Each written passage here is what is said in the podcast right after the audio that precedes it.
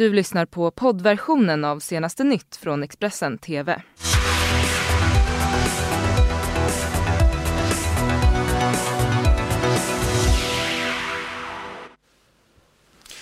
Ja, välkomna och god morgon. Det här är Expressen TV och senaste nytt och vi ska köra nyheter för er hela morgonen.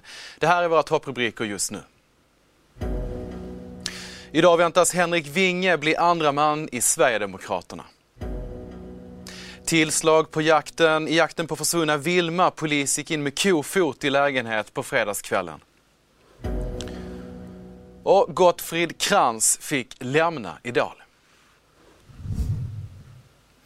Detta och mycket mer i sändningen alltså. Välkomna till Expressen TV och senaste nytt.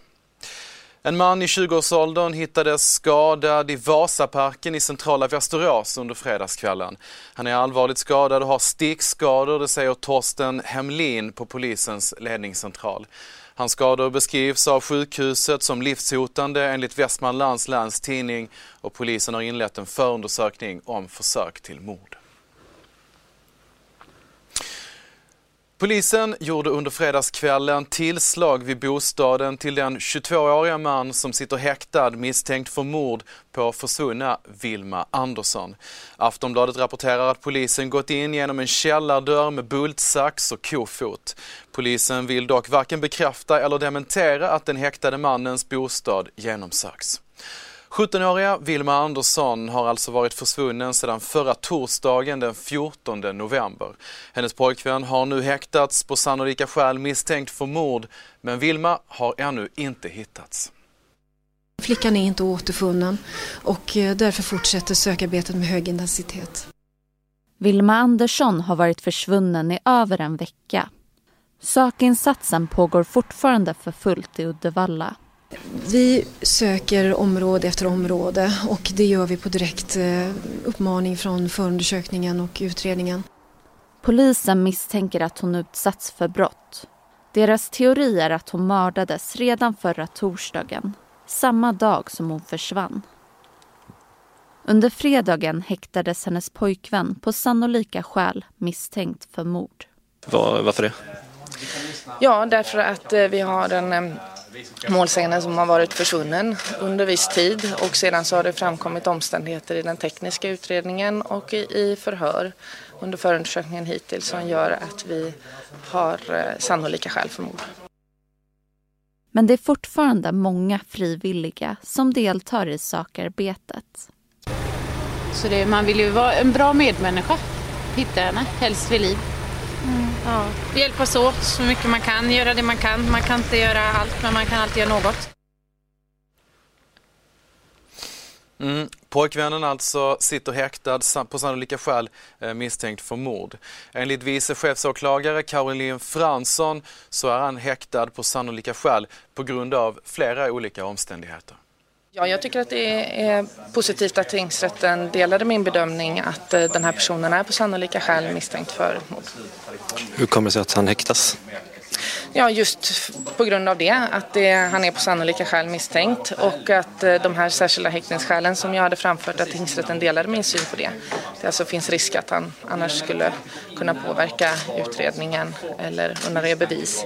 Och sen är det ju så att vid så här allvarlig brottslighet så är det ju en presumtion för att personen ska häktas. Hur ser bevisläget ut i nuläget?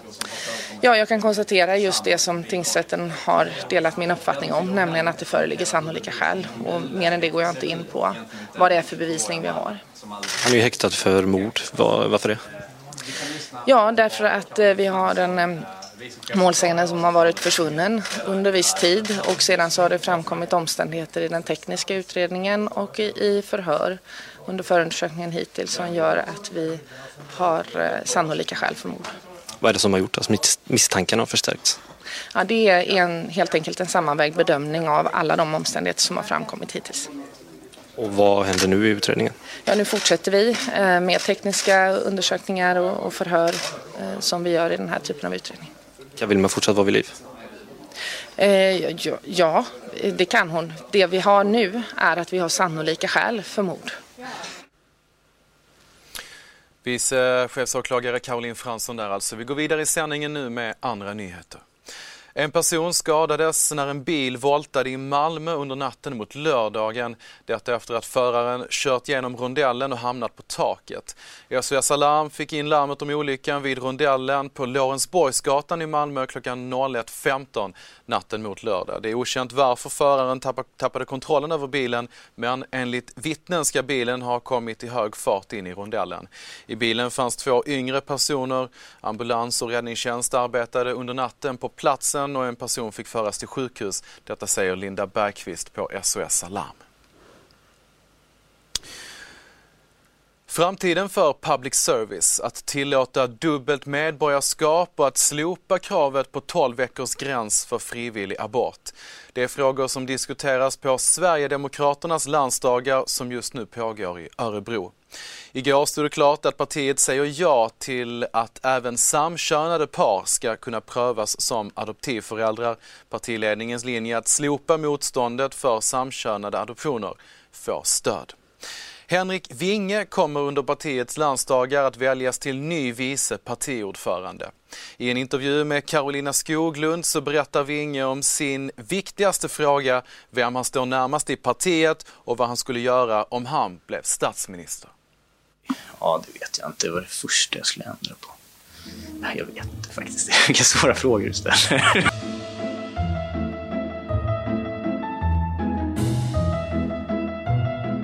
Vilken politisk fråga kommer du aldrig att släppa? Att vi måste minska asyl och anhöriginvandringen till Sverige. Vilken är din minst mest impopulära åsikt? Oj, det vet jag inte faktiskt. jag vet inte. Det, det, vad det skulle vara för någonting. Jag, eh, nej, jag vet inte. Vilken är den viktigaste förändringen som Sverigedemokraterna har gjort de senaste åren? Jag tycker att förändringen i synen på abort som vi gör nu eh, är viktig. Och även den förändringen som vi gör nu i synen på dubbla medborgarskap, där vi accepterar dubbla medborgarskap. Men de är viktiga därför att det är någonting som många väljare har reagerat på eh, och, och sett att, att vi har haft en en politik där som man eh, inte riktigt förstår varför vi har stått för. Och som jag tror att stora delar av vårt parti inte heller riktigt har förstått varför vi har stått för. Vem i Sverigedemokraternas topp står du närmst? Um, ja, det är väl på lite olika sätt, men, men uh, de jag arbetar närmast är Jimmy Åkesson och Mattias Karlsson. Vad är den största skillnaden mellan de två? De kompletterar ju varandra och det skulle man kunna prata ganska länge om. Uh, men uh, det båda har är ju att båda jobbar ju väldigt, ska man säga, eftertänksamt analytiskt och sådär. Eh, och eh, långsiktigt, strategiskt. Eh, och jag tror det är någonting som vi har haft väldigt stor nytta av i vårt parti, att vi har hållit fast vid våra uppfattningar. Du väljs till vice partiordförande nu. Om du vore partiledare, vilket är det, vad är det första du skulle ändra på i Sverigedemokraterna? Oj, ja det vet jag inte. Vad är det första jag skulle ändra på? Jag vet vilka svåra frågor du ställer.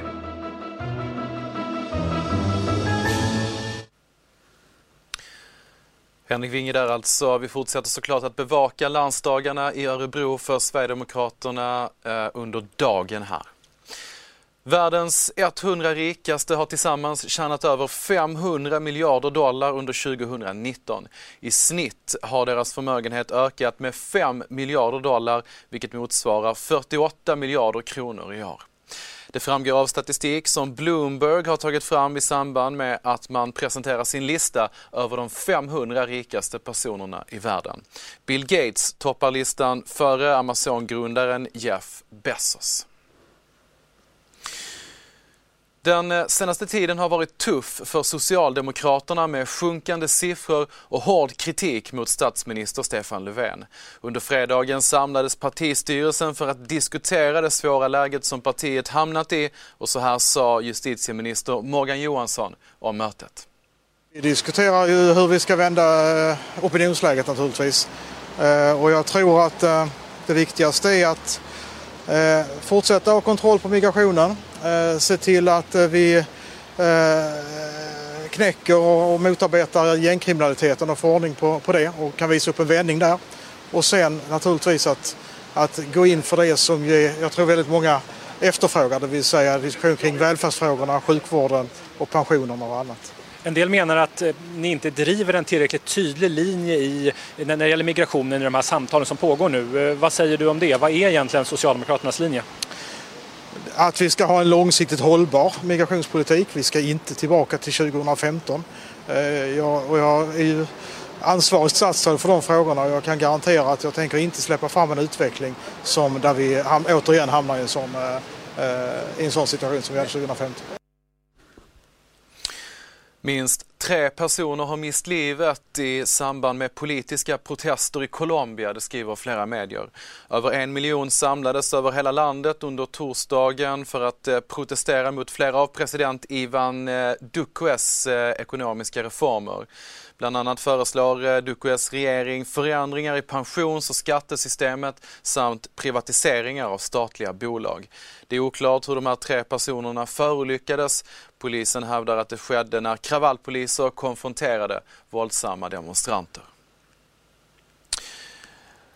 Från eh, Colombia till Idol. Det blev Gottfrid Krantz som fick lämna Idol den här gången. Efter programmet var jurymedlemmen Niki Amiri förvånad över resultatet. Hur är du nöjd? Eh, ja men alltså när man kommit så här långt i tävlingen mm. så de är ju alla bra liksom. Jag är förvånad. Ja, jag trodde de är alla bra. Eh, ja, men jag trodde att Gottfrid skulle gå längre. Mm. Jag trodde att han hade starkare stöd. Mm. Och just det här att man har inte sett något tecken på att stödet kanske kommer svika honom. Han har ju inte hängt löst. Som jag sa förra veckan tror jag. Ehm, så ja, det var lite oväntat. Men han, han, han var väl kanske den som var svagast ikväll. Mm. Så de lyssnade på vad ni sa? Eh, ja, men, men framförallt, eh, ja men precis, ja men också framförallt att eh, det röstades efter prestation liksom. Mm. Och det, det gör mig alltid glad. Mm, mm. Så eh, nu har vi två killar, en tjej. Mm. Det här med tjejer, vi pratade lite om det förra veckan också. Ja. Men är det viktigt liksom att de får, får sina chanser? Hur menar du? Vi sa ju förra veckan, eller vi, du, ja. att eh, en tjej, om en tjej gör ett misstag så åker den lättare ut. Mm. Ja men alltså, jag, jag har ju sett det mm. tidigare, både den här säsongen och, och tidigare säsonger. Eh, men eh, sen, sen någonstans här, ja det är ju det som faller tittarna i smaken som mm. de kommer rösta på. Eh, och det är därför det är så viktigt att man liksom tänker igenom kvällens framträdande bland deltagarna. Låtval och allt sådär. Inslag och så vidare. Det är många, många komponenter som kan påverka. Vi ska avsluta med sport och skidor, den säsongen som ju precis dragit igång. Frida Karlsson vann den svenska längdpremiären före Charlotte Kalla och efteråt så var hon givetvis glad och avslöjade pojkvännens ord som eh, uppenbarligen hjälpte henne till seger. Frida. Tack så mycket. För ett år sedan var du sensationell tvåa i den här premiären då i Bruksvallarna. Nu vinner du och alla tycker att det är ganska förväntat. Det har hänt mycket på ett år. Det har hänt mycket, verkligen. Eh, nej men jag är lika nöjd idag som jag var för ett år sedan när jag blev tvåa skulle jag säga. Det är lika stort för mig. Eh, berätta om loppet. Startade väldigt starkt och sen blev det kanske lite jobbigare på slutet eller? Ja precis. Nej, men jag brukar ha för många så här i början av säsongen och öppna lite för hårt, vara lite ivrig sådär. Eh, och det blev inget undantag idag även om jag hade tänkt att jag skulle försöka hålla igen lite. Men samtidigt så såg jag ju som eh, William, min pojkvän, körde ju tian eh, innan i juniorklassen och de åkte ju bara på 20 minuter någonting och det gjorde väl att jag tänkte att jag kanske kan öppna lite hårdare men eh, det är klart att det tar på att eh, gå lite över gränsen så. Fick du lite tips av William hur du skulle lägga upp också? Eller? Ja men det fick jag. Eh, Ja men eh, han berättade att eh, många kurvor var liksom uppsladdade så, så att jag skulle vara förberedd på det. Eh, och så, ja men att försöka hålla trycket liksom och inte stressa så. Eh, och ja, försökte väl följa de råden. Och det gick ju bra. Ja men det gick bra.